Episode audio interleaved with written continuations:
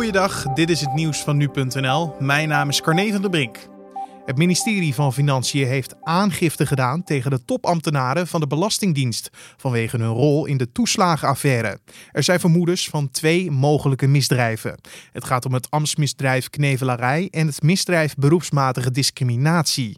Het Openbaar Ministerie zal de aangifte onderzoeken en de mogelijke misdrijven zijn gepleegd in de periode van 2013 tot en met 2017.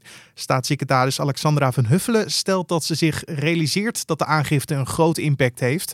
Hopelijk draagt deze ingrijpende stap bij aan het op een rechtvaardige manier afsluiten van dit voor zoveel pijnlijke hoofdstuk. Al dus van Huffelen. Igor Kirkin stelt in een ruim drie uur durend interview met een Oekraïense journalist dat hij zich indirect verantwoordelijk voelt voor het neerhalen van vlucht MH17. Het is voor het eerst dat een hoofdverdachte in het MH17-proces een dergelijke uitspraak doet. De man nuanceerde de uitspraak direct door te zeggen wat hij al jaren herhaalt: dat niet de separatisten, maar Oekraïense strijdkrachten de vlucht hebben neergehaald. Justitie bevestigt aan nu.nl dat ze het interview bekijken en dat het toegevoegd wordt aan het dossier. Of het uiteindelijk een rol zou krijgen in het proces, valt nog niet te zeggen.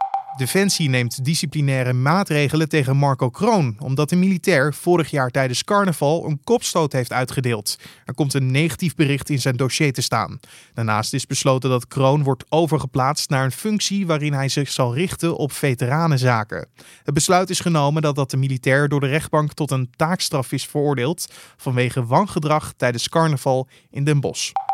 Dan nog even de dagelijkse corona-update van het RIVM. Daarin melden ze dat er 21 nieuwe sterfgevallen bij zijn gekomen, waarmee er wel sprake is van de kleinste dinsdagpiek tot nu toe.